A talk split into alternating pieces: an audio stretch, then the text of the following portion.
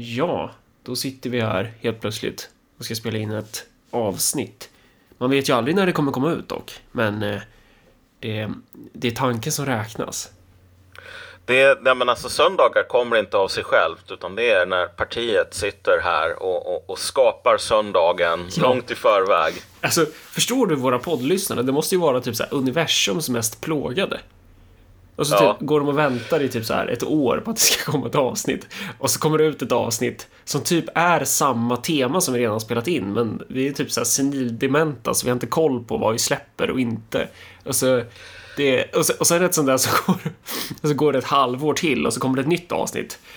Och så visar det sig att nu sitter de och pratar svengelska. Jag vet, jag vet. Men alltså den, den, den, den, den lilla sån här, ehm, hur ska man säga, guldkanten här är väl att, jag menar folk kan se dig ranta på Riks. Ja, jag vet. Ja. De kan lyssna på dig när du är med i jänkarnas poddar. Och när du skriver Ja, grejer. precis. Du har ju populär nu. Till och med Donald Trump retweetar dina grejer. Det. Ja, nej men du vet, eh, many people are saying this, Marcus. Eh, och sen gällande kritiken om våra engelska avsnitt. Det här handlar ju om att vi följer ju i, i Gustav II Adolf och, och Jesus fotspår. Eh, och vi gör ju en uppoffring här för mänskligheten. Eh, och och då, då kommer man behöva lida lite eh, för att åstadkomma the greater good. Mm. Eh, men, ja, men precis. men, men hur som helst, nu ska vi prata om, eh, om, om ett riktigt sånt där metaämne. Det är inte, vi har inte preppat så mycket utan det här bara sket vi ur oss nu eh, Eh, när vi pratade om vad vi skulle prata om. Eh, och det är ju temat politisk smärtgräns. Och det känns ju som ganska centralt koncept som vi har varit in, alltså som vi har tangerat några gånger i väldigt många avsnitt innan. För att du och jag är ju, är ju i grunden har vi någon form av kanske, och vi har en stark marxistisk influerad hjärnskada. Eh, och i det inbegriper ju teorin om sammanbrott. Alltså att, att i, inom marxismen så är ju sammanbrottsteorin ganska central och det, det handlar ju om att här, man ser ju inte historien som en slags linjär ehm, process, utan det är mer som ett trappsteg typ. Och ju mer typ Ja. bokstavstrogen eh, marxist du är, ju mer religiös marxist du är, de- desto mer kommer det vara så här bara Ja, men övergången från typ ett produktionssystem till ett annat, det kan du se typ på, på hundradelen av sekund att där, där blir, där har vi gått från eh, den här typen av produktionssystem till det här. Eh, Som att det liksom skulle vara vattentäta skott typ. Och med trappsteg så menas ju att mellan de här produktionssystemen, eh, till exempel feodalismen eller kapitalismen eller ja, då den här idén om socialism, så så sker ju revolutioner. Och med revolutioner så åsyftas då inte bara det som vi i vardagligt tal pratar om som revolution, det vill säga en statskupp eller alltså revolution har ju ganska många eh, betydelser i, i på, på den stora politiska arenan, att det kan ju vara väldigt många olika typer av revolution, men eh, inom marxistiskt språkbruk brukar man ju mena typ så här, ja men revolutionen till exempel industriella revolutionen. Eller liksom en revolution som är... Definitionen av en, av en revolution är väl typ att du byter ett produktionssystem till ett annat. Det är det som är liksom det centrala. Och varför säger jag det här? Jo, för att du och jag tenderar ju att gravitera, även om vi inte är så här religiöst troende på eh, hur ska man säga, det kommunistiska samhället där alla problem bara försvinner och du vet det här utopin, den här liksom perversa idén om någon form av himmelrike typ. Du och jag är ju inte så, utan vi är ju mycket mer närkinska och cyniska i vårt sätt att se på världen. Vi är mer så här, ja men försök göra den pissiga vardagen lite, lite bättre. Men den pissiga vardagen kommer ju vara kvar. Trots det så har vi ju ändå vi, vi tenderar ju hela tiden att trilla ner i det här diket av att se snart, snart kommer den här liksom grenen, om vi tänker att samhället är en gren, eller en, benpipa. Så här, man kan böja benet en viss bit, men till slut så, så knäcks det. Och så rinner märgen ut och det blir jävligt träligt liksom och benpipan Ja. sticker ut ur köttet och det är bara så här. Så är, är det Austin Powers de säger att det, det börjar lukta sur mandel eller var har jag fått det ifrån? Jag vet inte. Men, men att, att det blir typ så. Och med det menar jag då att vi tror ju fortfarande någonstans på en sammanbrottsteori. Alltså det, det, vi har ju det i vårt sätt att tänka politiskt, att vi hela tiden, och om man lyssnar på våra jävla avsnitt som vi kört nu i några år, så kom, vi, vi återkommer hela tiden så här Ja, men det finns en bristningsgräns för hur mycket typ förnedringsrån, skjutningar eh, som, som svenskar kommer palla med. det finns en bristningsgräns för hur höga räntorna kan bli. Det finns en bristningsgräns för hur, hur höga elpriserna kan bli. Och, och, och frågan är ju, finns den jävla gränsen? Och hur, hur, hur, hur vet man det? För att då, så här, konceptet politisk smärtgräns, alltså där man, när man kommer till en punkt där då den här benpipan knäcks. Eh, så, så, Ja, men precis. ja, Ja, för, för- liksom om vi tänker oss det här problemet med, problemet med skjutningar till exempel. ja, Och det här är ju det som, det som den, den, den situation som konfronterar människor idag. Är att vi har en, en nivå på våld som... Jag vet inte riktigt, alltså om man går tillbaks tillräckligt långt i Sverige så var nog kriminaliteten högre än idag. Eh, men alltså under modern tid, det beror ju på helt, innan liksom... helt när du menar, typ. och Så här, när menar du då? För kriminaliteten Nej, är men jag tänker så här, jag tänker så här liksom på typ 1800-talet, Ja, liksom tidigt 1900-tal. Alltså det är ganska mycket, det är ganska mycket så här generaliserad misär. Ehm, mycket så här folk som super ihjäl sig och liknande. Knivsnacksmål, sånt där. Ehm, men alltså under modern tid så har vi inte varit med om någonting liknande som vi har idag. Nej. Alltså med, med så här gängskjutningar. Och det är 120 mord om året i Sverige nu. Motsvarande i Norge är väl, det är ju tvåsiffrigt belopp. Det är kanske en, en, en femtedel eller mindre än en femtedel av vad vi har här i Sverige. Så att alltså vad folk ofta har sagt kring det här är ju att det kommer att finnas någon form av vi kommer att komma till en punkt där folk inte längre klarar av att leva med det här längre. Och jag menar, alltså, och det här, det här är problemet lite grann och en fälla om man säger så som du och jag också har fallit in i, vilket är att så här vår, människans syn på vad som går att leva med och vad som inte går att leva med är Alltså vi, vi har liksom lite av en sån här synville-effekt i, i, liksom i hur våran hjärna är utformad. Därför att människan är extremt bra på att vänja sig vid saker och ting. Um, att anpassa sig till saker och ting. Och sen också så här att men, och vi har den här så, så kallad normalcy bias, vilket gör att vi alltid tänker att saker som ligger utanför det som är normalt just nu måste till, i princip vara apokalyptiskt. Så att um, ett utfall på, ett utslag på det här sortens normalcy bias är ju att om du hade sagt till någon på 90-talet att vi skulle ha så här många skjutningar så skulle de säga ja men det här går inte att leva med. Och sen du vet, nu lever de med det idag, de personerna. Uh, och det är inte världens största problem för dem. Liksom, du vet, man sätter ena foten före den andra, liksom, går till jobbet på må- måndagen, liksom. Allt det där. Men, men när man ställer frågan så här, var, var ligger smärtgränsen? När orkar inte folk mer? Eller när orkar inte systemet mer? När kan inte systemet längre anpassa sig till alla de här kriserna? Liksom som ett immunförsvar som inte längre kan besegra alla de här liksom, bakterierna som angriper utifrån. Ehm, det som gör det så jävla svårt att veta när den punkten kommer är också att alltså, folk de vänjer sig vid saker som är typ om du tänker dig så här upptakten till ett inbördeskrig. Alltså upptakten till ett inbördeskrig kan bara funka eftersom att folk tycker att ja men sån här liksom normala saker eller saker som normalt sett leder till inbördeskrig. Ja men det här är bara grejer vi håller på med nu. Typ om du tänker dig um, USA innan, innan första inbördeskriget där. Då hade ju människor som höll på att Alltså det börjar med att man inte längre kunde kompromissa i, i kongressen då. Att det var jättesvårt att få igenom lagar och liknande för att du hade den här enorma låsningen mellan Två, liksom, två motstridiga de- ekonomiska och politiska system i princip. Ja. Så det börjar med, börjar med politisk låsning och sen går det över till ehm, alltså att folk är jävligt elaka mot varandra. Liksom hetsk debatt, polarisering, ställa grupp mot grupp.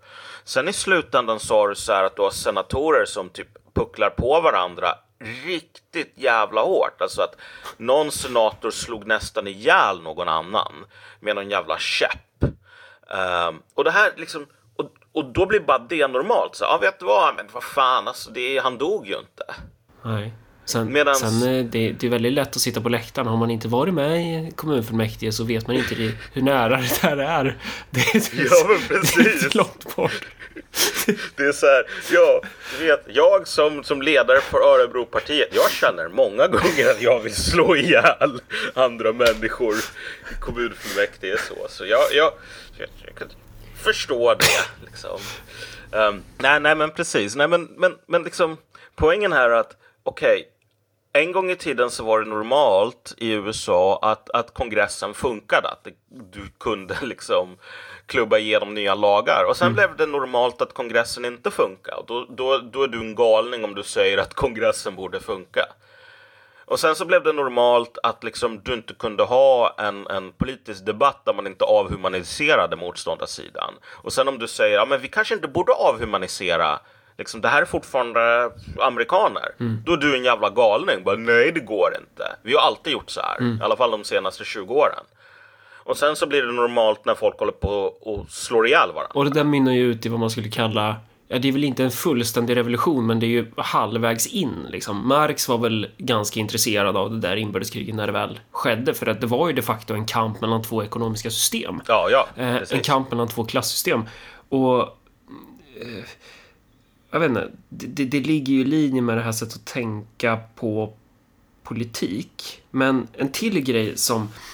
När liksom en gren böjer sig. Du var inne på det här innan vi började spela in och jag tyckte det var ganska bra sagt med K. Att eh, det finns ingen intelligent process i den grenen. Så vitt vi vet i alla fall. Grenen tänker ju inte att den ska böja sig. Det är ju bara en fys, det är en mekanisk process. Det är en död process på något sätt. Eh, som möjliggör att den kan böja sig till en viss nivå och sen knäcks den. Men vi människor, när vi böjer oss och när vi anpassar oss så är ju det någonstans en intelligent process. Alltså, vi, Precis. vi, vi, och det är det som... För, för jag, jag fattar liksom inte varför... Och det här är ju någonstans den här 10 miljoners frågan så här. Finns det en politisk smärtgräns? Vad menar man med det ens en gång? Och sen, vad, när når man den då? Ja, alltså rent historiskt så kan vi väl säga att många av de större politiska förändringarna jag menar om du tänker dig så här upp, upptakten till Ukraina idag är ju att du har alla de här splittringarna i landet mellan öster och väster. Och sen så har du det här valet med, vad heter han nu, Janukovic eller någonting 2014. Och så liksom, En jävla- du vet, jävla de här jävla turer, liksom. splittringarna. Ja, det blir en jävla massa turer. Det blir folk på liksom fackföreningsbyggnader som blir brända ihjäl och liksom sånt där. Eh, och du får den här Majdan-revolutionen. Eh, och det var ju också så här att allt det här som skapade den här explosiva re- revolutionen, det, hade, det var ju saker som hade normaliserats. Ja, men det är normalt att ha de här helt, helt CP-störda splittringarna i ett land mellan väster och öster. Där typ hälften av det ena landet säger A och liksom, eller bu och den andra hälften säger bä och så vill de ha ihjäl varandra över det. Um, och, och grejen är så här att just på grund av att vi har, vi alltid, om det är någonting som går fel så börjar vi alltid kompensera i våra system. Liksom. Vi, vi är människor, vi kan typ ta och flytta på oss, vi kan ta och ändra på grejer, inte ändra allt för mycket, men liksom bara så här ehm, du vet, okej, om någon stänger av, om någon stänger av elen liksom, ja, men då sätter man på sig en tjocktröja så att man fryser ihjäl lite långsammare. Precis. Liksom, man är inte det här statiska liksom, som inte kan reagera på omgivningen. Och frågan är varför man... För här, det här är ju någonting som en klassisk trop och det är som, som säger, eller heter det ens trop? Jag vet inte, det, här, det här är någonting som sägs att att vi svenskar är ju fredsskadade och vi har det liksom inte i oss på samma sätt att eh, ja, man reagerar med konflikt. Eh, som nu fransmännen, nu avslöjar jag när vi spelar in det här, men, men det, det väntas ju demonstrationer nu i helgen eh, för att de ska höja så här, pensionsåldern i Frankrike. Eh, och då går ju fransmännen ut och är skogstokiga, vilket de troligtvis kommer vara nu.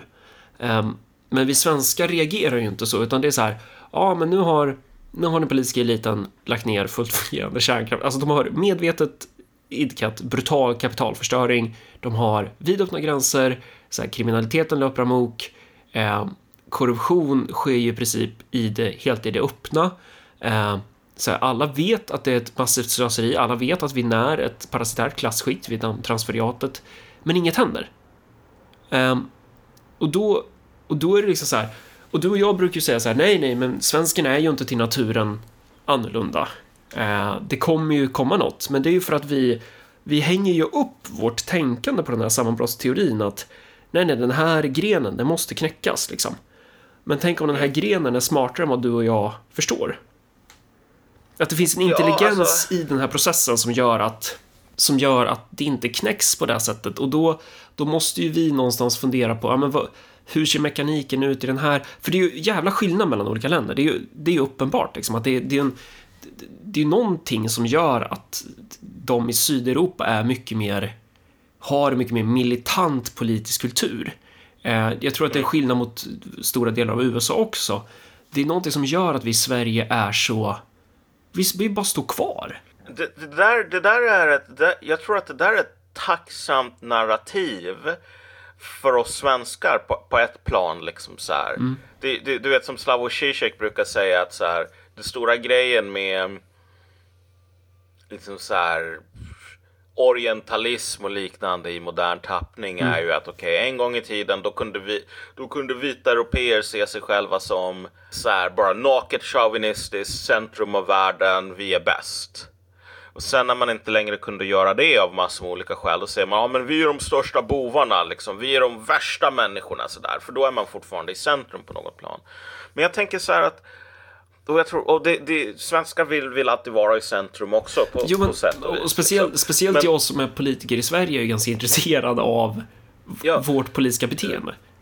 Ja, men det, det, precis, och jag menar inte att avfärda dig här som liksom så här dum eller nej, någonting, nej. utan bara så här att jag tror att man kan nyansera den bilden.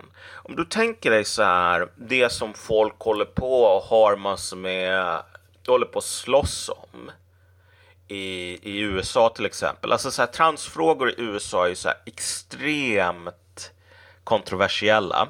Därför att du har hela tiden, alltså du har ju folk, du har ju föräldrar, farsor liksom som förlorar vårdnaden för att de inte vill gå med på en könskorrigering på ett barn som är så här 12 år gammalt eller någonting. Mm då bara okej, okay, alla dina föräldrarättigheter blir borttagna. Och så har du liksom massor med helt, liksom riktigt så här kulturrevolutionen grejer där liksom lärare på skolor håller på och skryter om att de, de inte informerar föräldrarna om att liksom, du vet, de på skolan försöker övertyga barnet om att genomgå en könskorrigering och liknande. Men grejen är så här att och, och, och, då har du liksom de här riktigt uppslitande striderna för att det här har blivit en, en fråga om rött mot blått. Och om du är på liksom den, den, den demokratsidan, den liberala sidan, även om du har vissa reservationer inför vad du håller på med, du måste stödja det mest extrema. Därför att det här är liksom, det är din, ditt lag mot andra laget. Mm, det är en del i kriget. Ja. Mm. Och, och, du ser lite liknande grejer i, i Storbritannien, liksom med det här kulturkriget är verkligen helt CP. Alltså i Sverige den alltså det där är ju typ över. Alltså brytpunkten ligger någonstans i backspegeln. Därför att för ett tag sedan så sa folk, liksom svenska politiker, svenska medicinska um, experter och liknande att så här. Alltså det här är inte riktigt det här är inte en, en, en, social revolution vi vill vara en del av. Så liksom nu verkar diskussionen i Sverige kring de här frågorna gå ut på för det första, det är liksom inte alls en, en lika kontroversiell explosiv grej. Du ser inte det lika ofta i media.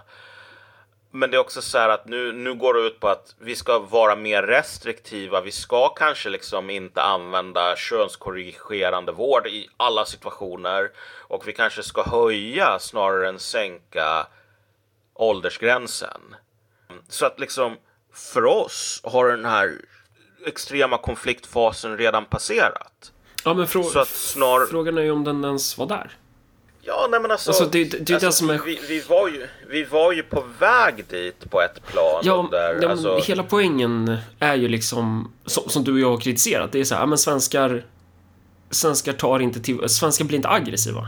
Det, alltså det, konflikter, eh, hur ska man, vad ska man jämföra med? Det, det är som en så här bil eller något som ska försöka starta, eller en dator som börjar starta upp typ och så, och så dör den bara. Den kommer inte, den kommer inte upp. Den kommer inte igång. Eh, och så är det med typ svensk politik. Ja, det är så här, det är permanenta politiska blue balls utifrån perspektivet att om just smärtgräns, att, att det, den, den här grenen knäcks ju inte. Det är, det är fortsatt så här, vi har ju Ponera att du skulle göra den här skiten som svenska politiker har gjort. Alltså, ta oss från den typen av land vi har haft till den punkt där vi är idag. Det hade ju blivit kaos i andra länder, tänker jag. Um, men det är ju någonting som gör att det inte blir det i Sverige. Så, och, och, det, och det bekräftar du ju när du säger det här, liksom att ja, men transfrågan i USA är mycket mer infekterad, där har du det här ställningskriget. Men i Sverige så fick du den här datorn som börjar varva och sen så dör den. Frågan dör. Ja, exakt. Jag menar, precis. Att I USA så har, blir det kaos. Det är kaos just nu. Alltså här är grejen. Um, den här det här liksom elnätsabotaget som de hade. Ett riktigt stort liksom sabotage av en elstation. Med typ 50 000 människor som förlorar elen i en vecka. Det här sabotaget skedde samtidigt som eh, någon sån här vad heter det nu, liksom drag queen story hour på något bibliotek. Och det, det finns misstankar om att, du vet, folk saboterar elnätet för 50 000 pers som en del av kulturkriget här. Um, för att elen gick ur under tiden som man hade den här liksom, grejen som var så jävla kontroversiell. Så att jag menar, alltså jänkarna de, de kaosar som bara fan, men, men du vet, ironiskt nog, de når inte den här brytpunkten när politiken förändras. Medan i, i, i- i Sverige i den här frågan så var det mycket mindre kaos. Och det var, liksom, det var ändå så att alltså, vi, vi gick ifrån klippan lite grann. Kom fram och så tänkte vi att vi kan göra ett jävla... Um, liksom dyka ner i den här skiten med huvudet först. Men sen så bara, nej vet du vad, vi behöver inte göra det. Vi, vi behöver inte hålla på och slåss det här liksom. Kulturkriget ända tills, tills liksom du får den här enorma polariseringen. Så alltså, alltså det, du har rätt i att alltså svenskar kan, det är ju den tropen här om att svensken knyter näven i fickan hela tiden. Ja, men det här med kokta grodan och den, alltså hela den idén, typ. Alltså, en groda märker inte att den kokas om du, höjer, om du sakta höjer temperaturen. Och jag börjar ju gilla den där förklaringen mer och mer. Kanske inte rakt av, men, men som, som en, alltså det, det säger ju ändå någonting om att, för det så här, när man håller på med politik, då är den här typen av, av frågeställningar ganska centrala. Så men hur, hur långt kan det gå? Så här, om, om du, ska, ska vi sitta här om 40 år och bara, ja, snart kommer krysen. Då kommer, då- kommer det här bli en multiplier i våran ekvation för hur vi kommer växa som parti, typ. Ja. Alltså, det, Ja, det går ju inte att binda upp sig på det. Någonstans måste vi fatta att så här, jag tror att vi har räknat fel i vår kalkyl. Jag tror att vi har eh, missuppfattat svensk politisk kultur någonstans. För, och, det, och det som blir så ambivalent för mig är så här att jag blir översköljd av berättelser om hur det går åt helvete i Sverige hela tiden. Eh, och till alla som ringer så vill jag bara säga, ni behöver verkligen inte ringa för att jag, jag hinner inte med och vill man något då är det bättre att mejla. För det är, det, det är ett helvete. Men, men hur som helst, eh, och det är också fint att man, man får höra grejer och att folk anförtror sig min hjälp och sådär. Men i de allra flesta fallen så kan inte jag hjälpa folk, ska ju också sägas. Men poängen är att här, jag, ser ju ett, ett, ett land som går sönder. Eh, och, och folk anförtror sig till mig med berättelser om det. Eh, samtidigt som det sker så är ju det här landet jätteintakt. Alltså det, eller det framstår ju att vara väldigt intakt. Alltså, du vet när vi samlar in de här underskrifterna för superbussar. Eh, då kommer folk in och, eller då kommer folk fram och skulle skriva på och vara så här. Ja, men så här, någon kneger i reflexväst typ bär fyra plattor kung på vänstra armen, var inne på bolaget och ska hem, knäcka några långburkar och bara konstatera när de skriver på med högerarmen samtidigt som de balanserar det här typ tre ton öl.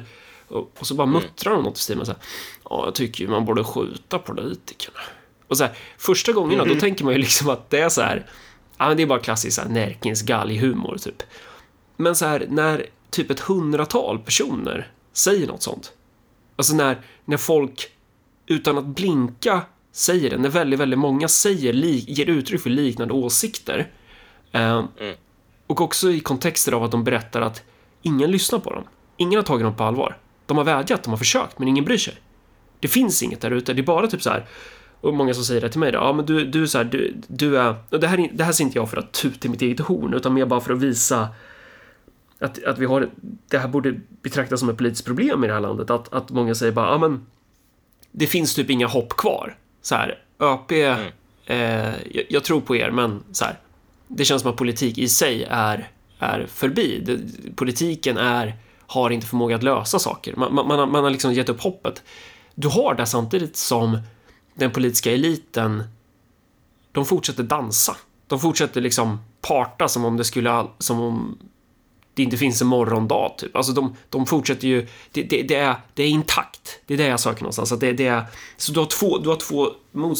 För jag tänker att om folk verkligen är så förbannade som de säger och som jag verkligen tror någonstans att de är.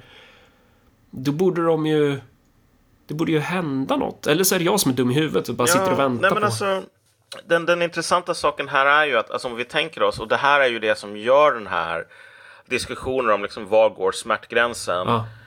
Ehm, liksom, det är som att nästan försöka tajma aktiemarknaden har jag märkt. Ja, Har du börjat med aktier? Därför att alltså, nej, Nej, det har jag okej. inte. Och det kommer ju inte att göra heller. Det hade varit alltså, väldigt kul att- om, du, om du gjorde det. För du, för du hade varit så här, alltså det här caset och sen hade du varit tvärsäker på det. Nej, så hade alltså, jag, jag, jag, jag, jag, jag tror inte jag skulle vara särskilt bra på att försöka tajma när, när liksom marknaden vänder eller någonting. Därför att alltså, de där sakerna är nästan omöjliga att förutspå. Alltså det, det enda du behöver göra är att det- titta det- på när jag köpt mina aktier och då vet du att nu, nu, har, nu har är toppen nådd och då vet du att nu finns Ja, det bara... Jag, jag vet inte hur många grafer jag har på mina aktiekonton där det bara så här, så står det så här köp och så är det verkligen den spikrak bil uppåt och sen bara rätt ner i källaren. Och jag har alltid Ja. tajmat all time high, jämt. Det- Ja, jag vet inte varför jag gör det här. Ja, nej men, nej men alltså sånt där, det är svårt. Och det är också så att om du tänker dig med såna här riktiga kollapser Mm. på aktiemarknaden och, och finansmarknader generellt. Alltså det är ju hur de funkar och det här tror jag man kan dra en parallell mellan aktiemarknaden, finansiella marknader och politiken är att det är en kombination av två saker. Dels så har du långgå, alltså långa, liksom långfristiga tendenser plus bara väldigt på kortsiktiga sådana här events. Så att det, krypto kraschade ju eh, riktigt hårt. Och det var ju på grund av att alltså, den, den, den, den långsiktiga tendensen här var ju att alltså, det, de här, du kan inte använda de här valutorna till att köpa grejer i affär och liknande. Så att det är liksom väldigt stora spekulativa värden. Och du har massor med sådana här plattformar som erbjuder bara, ah, vet du vad, sätt in pengar hos oss. Vi garanterar att du kommer att få den här avkastningen.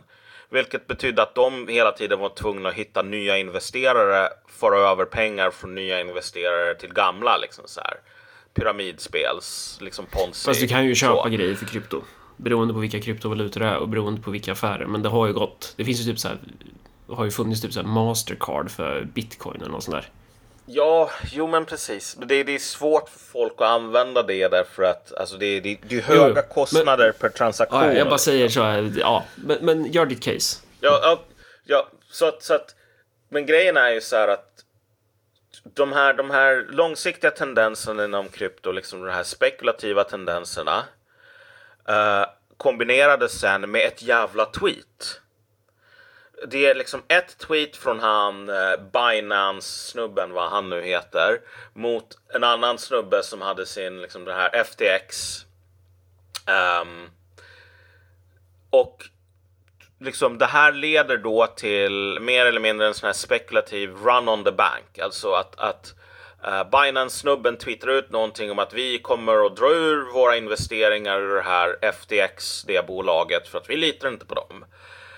Och det här orsakar liksom den här lavinen på, på berget. Så att liksom all den här snön som har byggt upp, den bara rullar ner och nu FTX går i konkurs för att andra börjar dra ut pengar.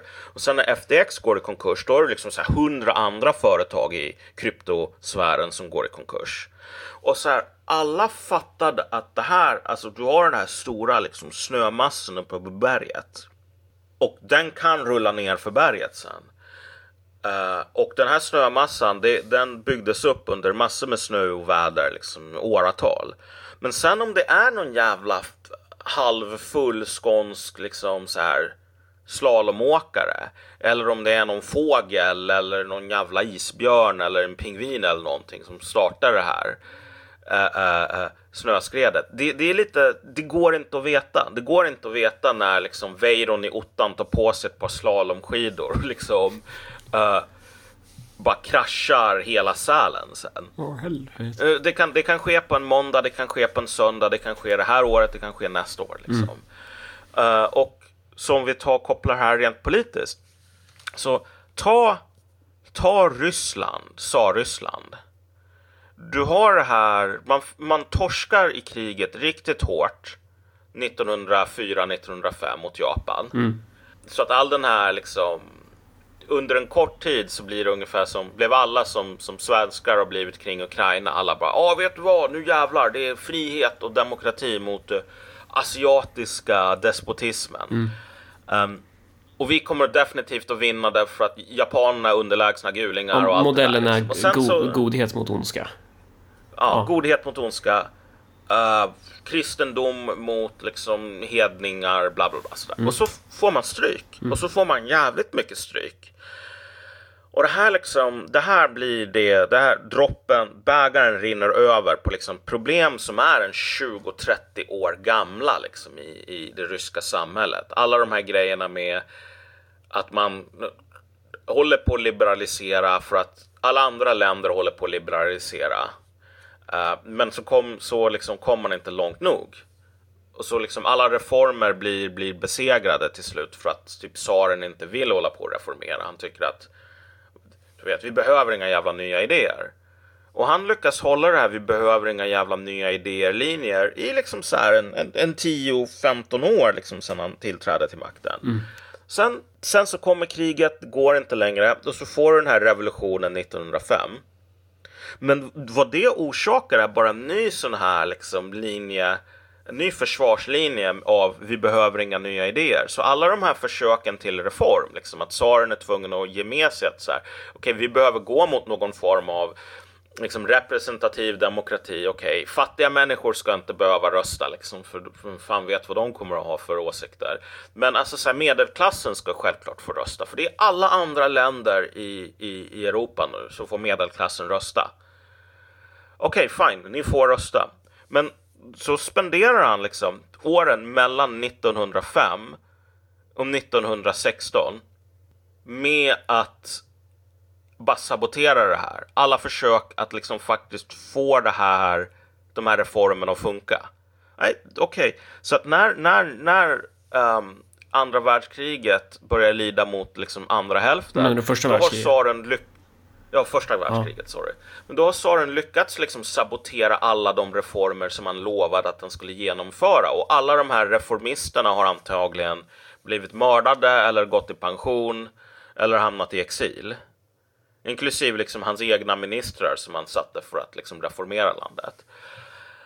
Så han verkar ha vunnit. Men grejen är att det här är ju det som är det förrädiska med liksom att det inte bara är en trädgren som liksom att det är styrkan i den här trädgrenen som avgör om den håller eller om den går av. Utan du kan liksom flytta styrka från andra delar av trädet för att hålla den här trädgrenen levande ett tag till. Okej, men tsaren har gjort det till en sån enorm grad så att det inte finns några reserver av styrka kvar överhuvudtaget i det ryska samhället. Mm. Så att liksom, alltså sättet som han blir avsatt på, mm. det, det, är så, det är så illustrativt Därför att det är så här, det är den internationella kvinnodagen och alla de här proffsrevolutionärerna de säger de, det kommer inte att bli någon revolution. Vi, vi är proffs på revolution, liksom vi här i mensjevikerna och bolsjevikerna och SR-erna och så vidare.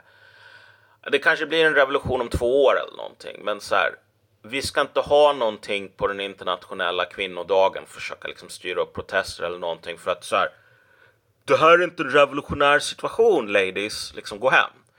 Och så har du massor med sådana här liksom på, på låg nivå då inom partiet, så här, massor med, med kvinnor, organisatörer och liknande som säger fuck, fuck it liksom. Do it live. Um, så att i Sankt Petersburg, Petrograd då, så börjar det med eh, eh bara ett gäng sådär väldigt så här, löst organiserade, oorganiserade ad hoc så här, kvinnogäng som går runt till så här, fabrikerna där deras män och söner och, och bröder jobbar på. Och så börjar de kasta sten på fönstren. Men jobbar, de, jobbar de där då? För de är väl vid fronten och dör? Ja, nej, men alltså det, finns, det, det fanns många män kvar Mhm. som, som inte var mobiliserade. Så någon måste håll- hålla på och syssla med det Ja, också. det var ju brudarna. Så Äh, fick men- jag, ja, men okej, ja. Ja, nej, men det, brudarna och män, det var många män faktiskt kvar. Det var liksom, brudarna, i- i- i- bögarna och allergikerna. Som Frank Både Ja, sa, det. det, när han fick frågan vilka som är med i Vänsterpartiet, så säger han Och det är bögar och allergiker och grupp 8. Ja, ja men Och- exakt. och det är de- Rip in peace. Och det är de som egentligen är då avantgardet. Och, Nej men, nej, men det, det, det, det, finns, det finns män kvar. Jag vet inte, Saren borde väl kanske ha skickat dem till fronten. Alltså det, det borde han ha gjort eftersom Alltså du vet Oktober eller äh, februarirevolutionen liksom går av stapeln Ja. just nu liksom så. Men, men så här hur februarirevolutionen sker, det är ju att de här kvinnorna som har blivit tillsagda av, av sina partiledare och av alla sådana här proffsrevolutionärer att ingenting kommer att hända på den internationella kvinnodagen. Vi ska inte ha någonting, liksom. Ni, ni, ni, ni är förbjudna från att försöka använda partiresurser för att organisera någonting. Och de bara, ja fast vi kan gå och kasta sten på lite fönster i alla fall. och så börjar de kasta sten på fönster och så skriker de till männen innan att vad fan, håll inte på att jobba liksom. Vi har inte pengar till mat. Vi håller på att frysa och svälter ihjäl. N- Nu, nu, är, nu är det nog. Och så liksom, ja, då får, går de, får de med sig eh, massor med män. Liksom, de håller på och du vet, shamear dem, kallar dem incels eller någonting, liksom så här, fegisar. Uh, för att de inte, de inte fattar att nu ska det bli revolution grabbar. Så de får med sig männen från första fabriken och så går de till andra och så får de med sig männen därifrån. Och sen till slut, ganska snart, så har du liksom en kvarts miljon människor ute på gatan eller någonting. Mm. Och det här har bland annat att göra med att så här, det har varit svinkallt och nu är det så här bra väder så folk de har lite spring i benen och de vill liksom de vill äntligen komma ut liksom och bara njuta av våren. Så liksom, ja vet du vad, då kan vi göra revolution också medan vi ändå håller på. Men, men det är så här, det här är... Du kan inte föreställa dig någonting mer oplanerat än, än liksom den, den, den händelsekedja som leder till att tsaren blir avsatt. Men det som Saren också har gjort i den här processen är ju någonstans att han har ju genom att gå med på medelvägen men ändå inte göra det så har han ju diskat det alternativet. Alltså om, om, om man implementerar en massa reformer eh, som syftar till att grenen ska kunna böja sig och inte knäckas. Som är så här, ja men ni kan väl få rösträtt då. Så, ja men vi kan väl, vi har kvar tsaren men inte 100% makt, du kan få 80. Men tsaren fortsätter spela på ett sätt som innebär att han rullar tillbaka alla de här reformerna så han behåller absolut makt. Han har ju inte avskaffat motsättningarna, han har ju bara avskaffat... Eh, han har ju bara visat att så här, det reformistiska alternativet är inte möjligt i Ryssland. Det är där, det, det är där han indirekt visar, och det är därför... För om man hade accepterat de reformistiska alternativen, då hade ju inte... Då hade det ju kanske inte blivit en revolution på det sätt som det blev. Ehm, så att, så att det, förutsätter ju någonstans en makt som inte anpassar sig. Och den här makten, eller Ja. makten anpassade sig, men den anpassade sig på ett sätt där man, där det bara är det enda alternativet som finns kvar, är att rycka bort plåstret till slut. För att det, är- det är ju det som är den omedvetna eh, fos, fostrandet i den här processen. Att folket lär sig att så här, ska det hända något, då är det direkt på... Du ska slå först och du ska slå hårt på näsan. Liksom. Det är ingen idé att hålla på och snacka innan, för det, det, vi har testat det i 20-30 år, det funkar inte. Det, det är revolution som, som liksom... Eh, och, och då skapar det ju då ett revolutionärt eh, omedvetet medvetande typ. Och en annan grej som jag tänker på är så här i det här flummiga på det här flummiga temat, men så här, när är ett problem egentligen löst? För att i Sverige så har vi ju en idé om att ja, men man gör ju lite som tsaren, fast ändå inte kanske. Att så här, vi, har, vi har så lågt ställda förväntningar på våra makthavare så att om de säger så här, vi ska sänka bränslepriserna med 10 spänn och så sänker de bränslepriserna med 14 öre så, så finns det ändå ansenlig del av befolkningen som säger ja men de lyckades ju. Så bara, Va? Nej, det, Ja, de försökte Ja, ju. de, för de försökte ju. Vadå, det är ju jätte... Politik är ju svårt. Det har jag hört på TV.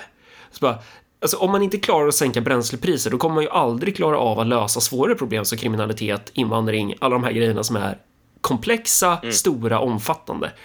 Eh, och i, och med att vi har så lågställda förväntningar så finns det ju då också en acceptans i att definitionen av att lösa ett problem är att man bara löst det till 3%. Man skulle kunna likna det med att man har en vattenläcka i sitt hus, typ. Bara sprutar vatten från ett rör och så går du in och så lägger du typ en ostskiva. Du skär loss en bit prästost, virar runt röret. Det fortsätter spruta ut vatten och den där ostskivan bara dinglar där. Och så säger det bara, nu har jag löst problemet. Och, och det är ju lite så svensk politik är. Eh, och, det, och det är där som jag stör mig på att det jag vill se är ju någonstans att svenskarna rycker bort plåstret i termer av att sluta ha ett förtroende för de etablerade partierna. För att de etablerade partierna landar alltid i ostskivan som lösning. Att det är så här, ja men nu har vi verkligen tagit till oss av era 30 till 40 år av eh, att ni har skrikit på oss att vi, att vi gör fel, att det är en vattenläcka. Eh, så nu har vi lagt en ostskiva runt röret. Eh, och det, det, no, det vi- vi behöver göra någonstans är väl att, alltså, eller vi behöver göra, det, det, det jag hade velat se i Sverige är ju att man slutar, alltså man vänder ryggen till samtliga åtta partier, inklusive, jag menar allihop, för att men, men, men man gör ju inte det. Det finns ju fortfarande en tro. Det finns ju fortfarande en tro på, på att de här partierna gör vad de kan och, eh, och, och det tror man ju med att man blir ju intalad och uppläxad i idén om att inget annat är möjligt än det som sker. Och, och hur relaterar det här till, till tsaren då? Eh, men eh, någonstans att det är så här, vi accepterar att definitionen av att lösa problemet inte är att lösa problemet. Eh, Och, och där, därför så exploderar ingenting. Därför så blir ingen vansinnig. Och blir man vansinnig så är man det hemma för att man kanske då också instinktivt tänker att nej men det här måste ske genom att något av de åtta etablerade partierna gör det på sitt sätt. Och det är också en jävla grej som jag har märkt. Så här, folk kan tycka så här, ja, Marcus är jättebra. Eh, Jag vill verkligen se radikala förändringar. Men jag tycker det är jobbigt att han svär. Alltså det, det, det, är, så, det är så ambivalent sätt att tänka typ. Att så här, antingen så bryter du med det konventionella och då ska du göra det helt. Eller så, så gör du inte det. Eh, att det, det finns en ambivalens i vad man vad man efterfrågar någonstans kanske. Förstår du hur jag menar? Att, att det är så här, det, Ja, det, nej, men- det jag eftersöker är ju någon slags att man, att man går till en punkt där man säger, ja men hit men inte längre, det räcker nu. Vi, så här, vi ser ju att de här partierna i sig själva är oförmögna. Hur mycket de ens, även om de här partierna skulle vilja lösa problemen så kommer de ju inte göra det. Det kommer ju aldrig hända. Ja, det, det här är ja. ju någonting som, som liksom, folk är ju konservativa litet K här i bemärkelsen att så här. Om man har ett system som man vet går att leva med, Ja, ish. Då vill man hellre om det systemet börjar gå åt helvete. Men om jag har en båt och den båten springer läck, men jag vet att den här båten, den går att segla i om det inte vore för det här hålet. Kommer jag kanske att föredra alla försök att laga hålet snarare än att jag ska... köpa en ny båt. Ja men precis. Eller liksom testa med någon sån här jävla liksom eh, ny revolutionerande båtdesign som är ett par liksom så här eh, ehm, plasttunnor. eh, ehm, liksom, som, som, som, som vi har gjort någon form av jolla av. Liksom. Okej, det är ny. Ingen har försökt segla över Atlanten med den här innan. Liksom. Ja, fast ja, då kanske man vill ha en båt som någon har seglat och lyckats segla över Atlanten med om man får välja mellan det prövade alternativet jämför och det med, oprövade. jämför med italienarna typ. De är, så Mm. här, de, de är verkligen motsatsen till svenskarna i hur, hur otrogen eller trogen man är gentemot partier. Alltså sosseväljarna, de kommer vara så här bara Ja, jag kommer fortsätta rösta på Socialdemokraterna. De var ju förvisso här och hällde svavelsyra i halsen på mig igår. Men jag har ju alltid röstat på Socialdemokraterna så jag kommer göra det imorgon också. Att, Medan i Italien är det liksom, där, där har du typ ett val varje kvart. Och så röstar du på, på ett nytt parti varav alla nya partier är så här, nyheten i Sverige när, det, när, det, när man ska presentera, förklara vad det är för typ av parti så är det alltid så här, de är fascister. De har verkligen koppling till fascismen. Och sen så blir det bara, det blir bara värre och värre. Men det tar aldrig slut. Och sen så visar det sig att de här så kallade fascisterna går upp och bara förklarar att de typ älskar NATO eller typ den, den västliga liberalismen och globalismen ja. i alla fall. Typ. Det där, det där är ju det som är så himla intressant och det är ju det som jag sa innan att alltså, man kan nyansera den här svenskens berättelse om sig själv ja. ganska mycket faktiskt. För jag menar, ju, ju mindre jag vet om, visste om så här, den politiska kulturen i andra länder, desto mer sa jag Sverige är det sämsta landet i världen liksom. Uh, ju mer man lär sig om andra länder, ju mer börjar man säga så här, vet du vad? Sverige är fan ganska bra över genomsnittet. Vad, ty liksom. vad, vad, tycker du om Polen, Malcolm? Gud, ja, just det. My fucking god. Alltså Polen.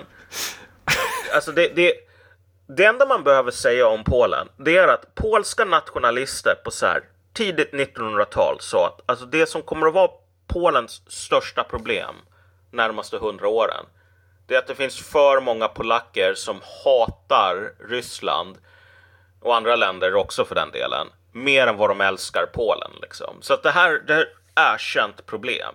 Att så här, polacker, och det finns ju det här skämtet också om, om en polack som får tre önskningar från en ande och alla önskningar är eh, låt kineserna invadera och ockupera Polen och sen åka hem igen efter ett år. Så han bara önskar tre, tre ockupationer av Kina liksom här uh, av Polen. Måste det vara Kina eller kan det vara är... olika länder? Det är Ryssland, Kina, Tyskland? Nej, det, det, det måste vara Kina. Okay. Det måste vara Kina. Ah, okay. Men det är liksom, mm. Kina kommer över och bara ockuperar Polen, bränner ner, våldtar, mm. liksom skövlar och så vidare. Och så åker de hem efter ett år och sen, okej, okay, får han en till önskan så önskar han det igen och så önskar han det igen. Och anden, liksom, han bara sliter sitt hår till slut och bara, Va, varför, varför använder du alla dina önskningar till att liksom kineserna skulle komma och ockupera ditt eget land. Och polacken, han bara uh, storler och bara säger ja men du vet de var tvungna att marschera genom Ryssland på hem och hitvägen. Oh, liksom. det, så det, det, där fick de. Så, ja men exakt, det är liksom så här, ja vet du vad, vi blev ockuperade men så här, uh, de skövlade Ryssland på vägen hit liksom, så då är det okej. Okay. um, så så liksom, ja, du vet, den kulturen. Ja, det, det finns, ja, du vet, some of them are good people som Trump säger. Ja. Men, men alltså, det, det, är en politisk kultur med vissa problem. Jag menar, alla politiska kulturer har problem. Du hade ju en tagning men, men... som var att Polen, de är fan Europas araber. Alltså de, de, de måste ha ett herrefolk. Har de inte ett herrefolk så går de fan under. Alltså kolla på araberna. Ja. Eh, perserna var tvungna att styra över dem, annars gick det åt helvete. Och sen kom mongolerna och var tvungna att styra över dem. Och så fort de ska styra över sig själva så går det åt helvete. De bara börjar kriga med varandra. Polackerna är fan likadana.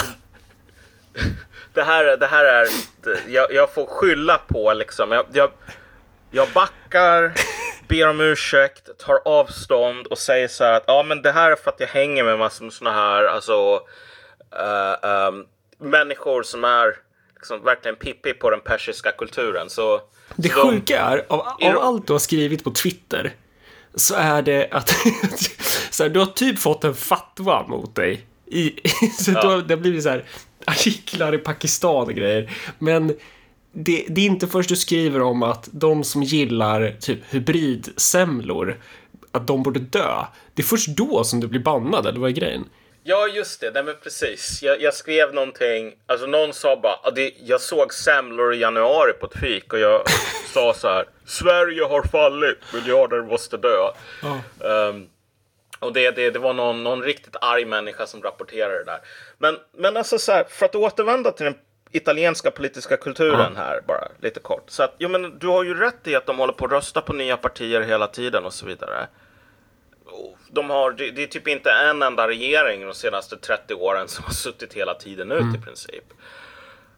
Men alltså under den här perioden så Italien, du vet eliten har sålt ut det egna landet. Ja. Alltså avindustrialiserat Italien, ha, låtit Italien hamna i en jävla slaveri, liksom underkastelserelation nu till, till EU. Där den italienska industrin, som faktiskt en gång i tiden var inte ett skämt, har man liksom låtit nedmontera. Italien är liksom så här om du bara tänker dig så här, ungdomsarbetslöshet. Det är liksom så helt apokalyptiska nivåer på den.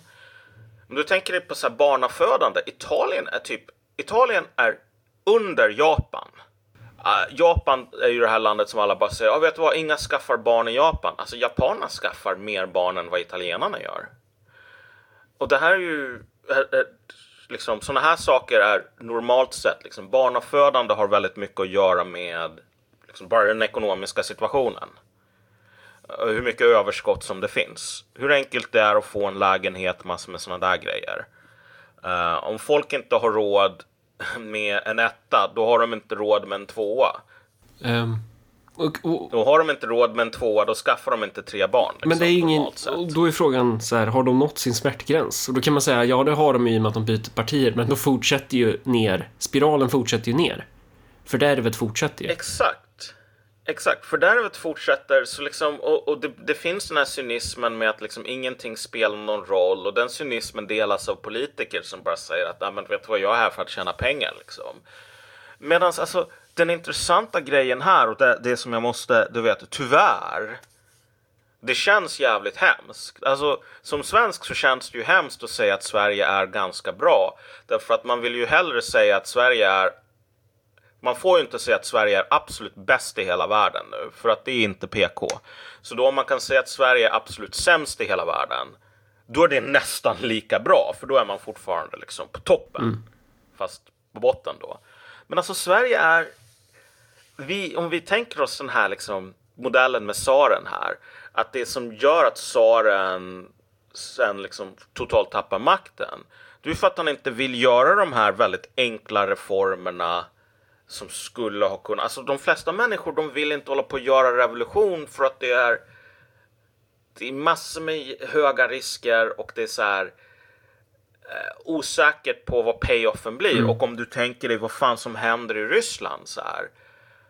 Svält, ett enormt skadligt inbördeskrig så här. Eh, utrensningarna under Stalin. Alltså om man bara hade kunnat säga till, alltså Lenin skulle ju inte ha tyckt om det, Stalin skulle inte ha tyckt om det, det här var liksom deras jobb.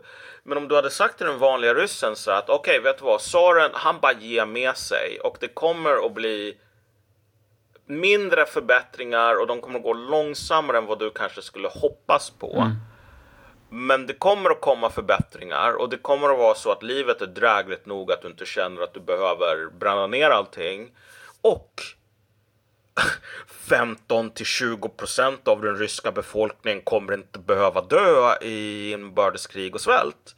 Men att typ alla skulle ju hoppat på det. Så här, okej, okay, vet du vad, jag hatar monarkin av princip, men liksom så här, fine.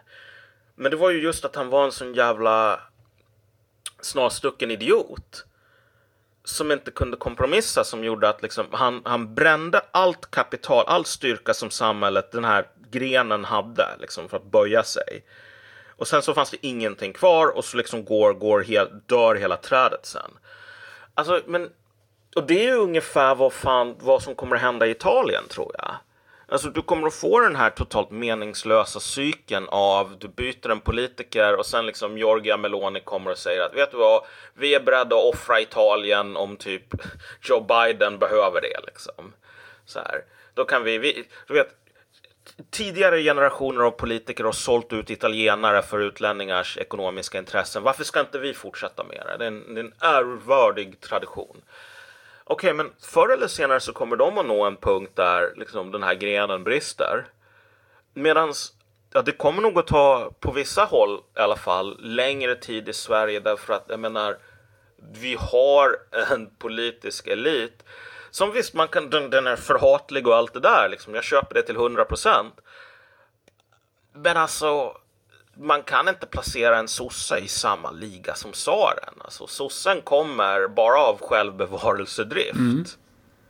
Att göra ja, liksom... Absolut. eh, Du, Och, och, och, absolut. Sossen och kanske till och med eh, någon från högern skulle ju eh, så här. Men det är fortfarande ostskivan som lösning. Det är fortfarande Ja. en bråkdel av vad som krävs för att lösa grundproblemen. Alltså bara den idén om att tänka att du kan lösa ett problem i grunden. Idén om att du kan tänka att så här. Nej, men vi stänger gränsen. Vi ska inte ta in fler invandrare för vi klarar inte av det. Det är, Ja. betraktas i sig som en radikal idé. Så bara, bara konceptet av så här, nej, vi ska inte ha en vattenläcka. Eller typ, man skulle kunna ta med el, bara. Ja, men är vi beredda att, att offra några ideologiskt heliga kor, typ? Eh, så här, var det ens diskussionen om att typ förstatliga hela jävla elmarknaden? Eh, och bara så här, nej men marknaden klarar vi, vi tar allt under statlig... Och då är ju såklart invändningen så här, det är så här argument om att ja, men marknaden löser alla problem och sen framförallt argument om att nej, men transferiatet huserar inom staten och det är ju sant. Det är massa idioter som är inkompetenta inom staten. Men ponera att du skulle förstatliga det eh, old school so- sosse-style. Att du gör det bra liksom. Eh, bara den tanken är så här den är radikal, typ. Eller så här, men du, du, Sverigepriser, det är radikalt. Eller bara så här, bygg, bygg kärnkraft. Ja, det betraktas också som typ radikalt. Att lösningar, lösningar i sig har blivit radikala. Eh, Ja. och, och, och det är ju ett... ehm, och jag vet inte vart jag, vart jag vill komma med det här. Jag bara... Det, det här var en sån grej som, som gör att jag har ont i den främre delen av mitt huvud. Att jag får inte ihop vad... Jag jobbar med politik. Eh, sitter och hetsar, typ. Och bara säger varför... Ja, det, ingenting händer. Ingenting händer. Ja, exakt. Jag menar, du och jag har ju haft, alltså sen så länge som jag har känt dig, du vet på den tiden som vi var sån här jävla dumma ungvänsterradikaler som skulle rödpillra befolkningen om, du vet, kommunism. Ja. Eh, liksom hade väldigt så naiva idéer så. Men, men visst, man, man, det här är ju någonting som liksom sitter lite grann i väggarna på ett plan. Liksom att man, man lär sig att tänka på det här, ja men liksom sammanbrottsmodellen. Ja, och, och, och Förlåt, men, men, men jag, när jag liksom eftersöker... Det jag eftersöker så här med politisk smärtgräns, det är att så här... Det, det, det, jag skulle vilja se att svenskar vänder ryggen till de etablerade partierna. Ba, och de behöver inte rösta på ÖP, men ba, bara så här att, att man skulle få mer av en italiensk tendens i att bara så här, vi skiter i de här nu, nu går vi till den här. Man prövar produkt efter produkt efter produkt och bara slänger dem över axeln vart efter de visar sig att det löser inte vattenläckan. Eh, men, men bara den idén är ju helt främmande för oss. Eh, så att, så att, Ja. med politisk smärtgräns menar inte jag då vi måste ställa upp kromade giljotiner och skjuta av en massa Nej, människor. Utan, nej, nej, men precis, precis. Alltså, nej, men, men, men liksom själva den här synen i grund och botten att så här, politiken, den, den, den går långsamt framåt ända tills den inte gör det. Det är liksom sån här, liksom du får ganska snabba klippningar eller brottstycken. Alltså, visst, det är någonting som man lär sig liksom som någon sorts vänsterradikal, men det är också en, alltså det, det är ofta så som politiken funkar. Det är specifika brottstycken. Det är liksom som gör att den romerska republiken blir det romerska imperiet. Liksom. Det är inte så att det tar en hundra år. Eller det tar ju en hundra år för att det är massor med saker som händer. Men sen så får du ett inbördeskrig. Och Caesar som kastar tärningen och korsar Rubicon och så vidare. Och det är det som liksom förkroppsligar de här långsamma förändringarna och så att säga liksom institutionaliserar dem.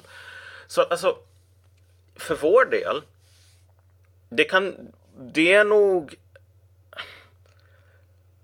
Kanske är det mest sannolikt att vi får en kombination här av kontinuitet och, och liksom radikal nydaning. Därför att med det menar jag bara så här att det finns en det, vad folk normalt sett vill ha är ju en lösning på problemet. De vill inte ha ostskivan, de vill ha den här jävla liksom gorilla-klistret här. Eh, och och Mm. Ja, eh, eller riktig jävla bit Ja, silvertejp. ex- det var exakt det jag skulle säga. Silvertejp löser fan alla problem. Jag hade med mig så jävla mycket Ja. silvertejp ner till Västafrika. Utan den, jag hade varit körd alltså. Åkte ner. Dr. Livingstone här kommer. Eller så här, Tintin i Kongo. Med, med en stor låda silvertejp. De bara, liksom, "Wha- för att lösa fattigdomen. What is this? Och jag bara, It's called eh, silver tape. Eh, we solve every problem with it. Look. Alltså typ såhär, handtaget var trasigt, jag löste det med silvertejp. Myggnätet för att sätta upp det i, i taket, silvertejp. Ja. Eh, Överallt. Alla som har varit på festival. Så tejpa någon i silvertejp. Det är så här, Eller tejpa fast din öl i handen. Det är skitbra, då tappar du inte bort den. Det är så jävla smart. Fan vad bra vi är, Ja. Sverige. Ja men alltså, och, och silvertejp är typ så här. Det är liksom ofta den högsta nivån på liksom lösningar inom politiken som du kan få. Därför att ingenting varar för evigt liksom. Det kommer alltid nya problem. Det här är ju också någonting folk inte tänker på med klimatförändringar till exempel. Så att vi håller bara på att diskutera antropogena klimatförändringar. Eh, alltså orsakade av människan i, i, i, i folkmun.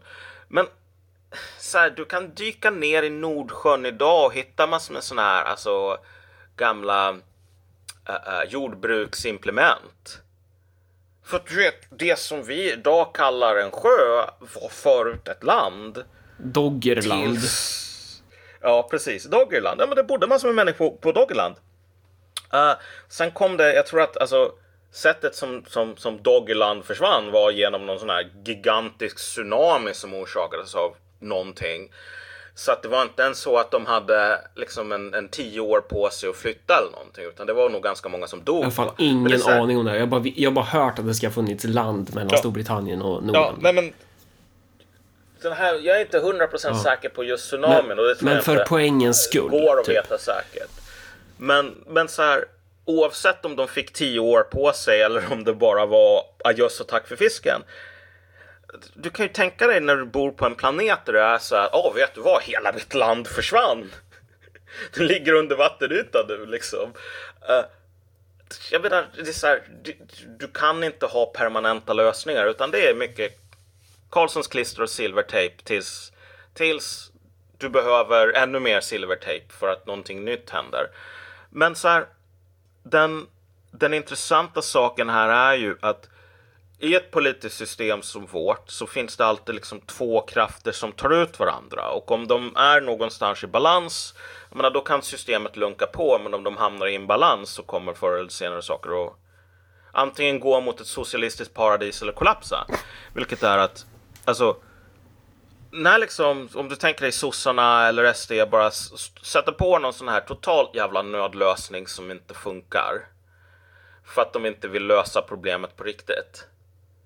Alltså det, den nödlösningen ger, ger systemet lite mer tid. Men det kan liksom begrava problem under ytan och göra dem ännu värre. Och det kan vara så att till slut så liksom kan inte nödlösa, alltså liksom du, du, du får slut på energi, styrka för att kunna klara av upprätthålla nödlösningarna. Och då får du liksom den här februari-revolution-situationen i princip. Så att, så att liksom alla de här försöken att, att ha indianknep så här att ah, vet du vad, jag upplöste duman och jag skickar den här snubben som sa medelklassen borde kunna rösta till Sibirien så att han inte kan säga det längre. Nu är problemet löst. Ja, problemet är kanske löst i fem år. Och sen så får du betala liksom hela, hela räkningen för det i efterhand. Men men den intressanta frågan här är ju liksom bara så här.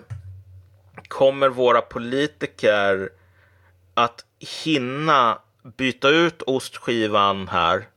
Den här konstiga liknelsen som är vårat signum här. Det här är Marcus och Malcolm-garantin. Liksom. En ny liknelse som helt CP eh, varje avsnitt.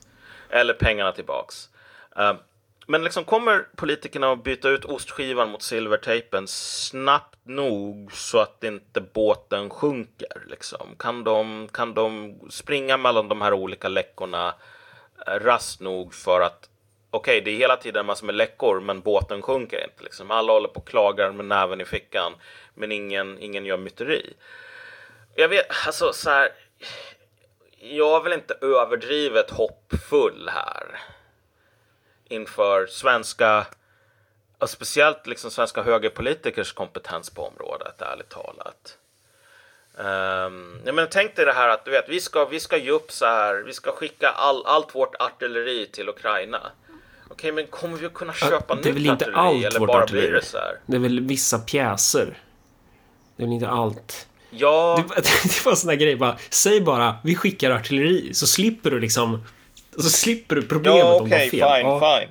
Men, men så här, vi har ju inte så många artilleripjäser i vet. Sverige. Det är ju ett stort problem. Liksom, sådär. Men, men jag tänker bara att okej, vi ska skicka ett antal, jag menar om vi skickar en, jag menar då gör det ju ingenting för ukrainarna. Så ska vi skicka några, då ska vi ju skicka så att de faktiskt får hjälp av det. Men eftersom vi har en sån liten militär så, så de summorna som faktiskt ger ukrainarna någon materiell fördel, det är summor som är en ansenlig del av vårt eget bestånd. Jag bara tänker så här, kommer våra politiker typ att se till så att vi har nya artilleripjäser sen? Eller ska det bara vara så att Sverige behöver inget försvar? Jag tror, jag tror att de Eh. köper nytt. Men, men med risk för att sidelina din poäng. Eh, alltså, för en frågeställning är ju så här politisk smärtgräns, men var? För att i, i den här liksom liknelsen med att man försöker laga en läcka med en ostskiva så kanske man missar att det gått läckt någon annanstans. För att det är väl det som, Ja. om man tittar på typ revolutionära för att harka tillbaka i det här sammanbrottsteorin, så här att när du försöker befästa en position där du vet att du är svag så lägger du jävligt mycket energi för att, för att bekämpa en strid där. Då missar du liksom att bakom ryggen så har, du, så har det uppstått en annan öm punkt. Eh, och Ja. det är väl det som sker då ifall det blir, om systemet blir ansatt på flera fronter. Att det kanske är helt jäkla obvious, typ för de som tittar på det här i efterhand, att där var det en svag punkt väldigt länge och där kunde man ha avancerat och brutit igenom. Ehm, jag vet inte vad man ska ta som exempel, men rent teoretiskt bara, ja men eh, polisen är så svag så att de skulle inte klara av Ja. att motstå typ ett väpnat, eh, väpnat uppror. Det skulle kunna Ja, vara så i teorin, eller så här bara, ja men eh, vad, vad finns det annars för någonting? Eh, där, så, alltså, En sak som finns, en sak som finns det är ju ökad regionalism. ja just det. Alltså, jag menar du och jag har ju skrattat och så här norrländskt oberoende och allting sådant. Men jag tänker så här att det är ofta så att många grejer som man skrattar åt Mm.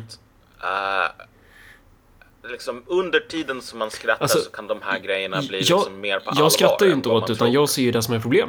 Alltså jag, ja, Ja. Så, så det skulle också kunna vara en öm punkt. Eh, men, men det hela handlar väl också någonstans om förväntningar, typ.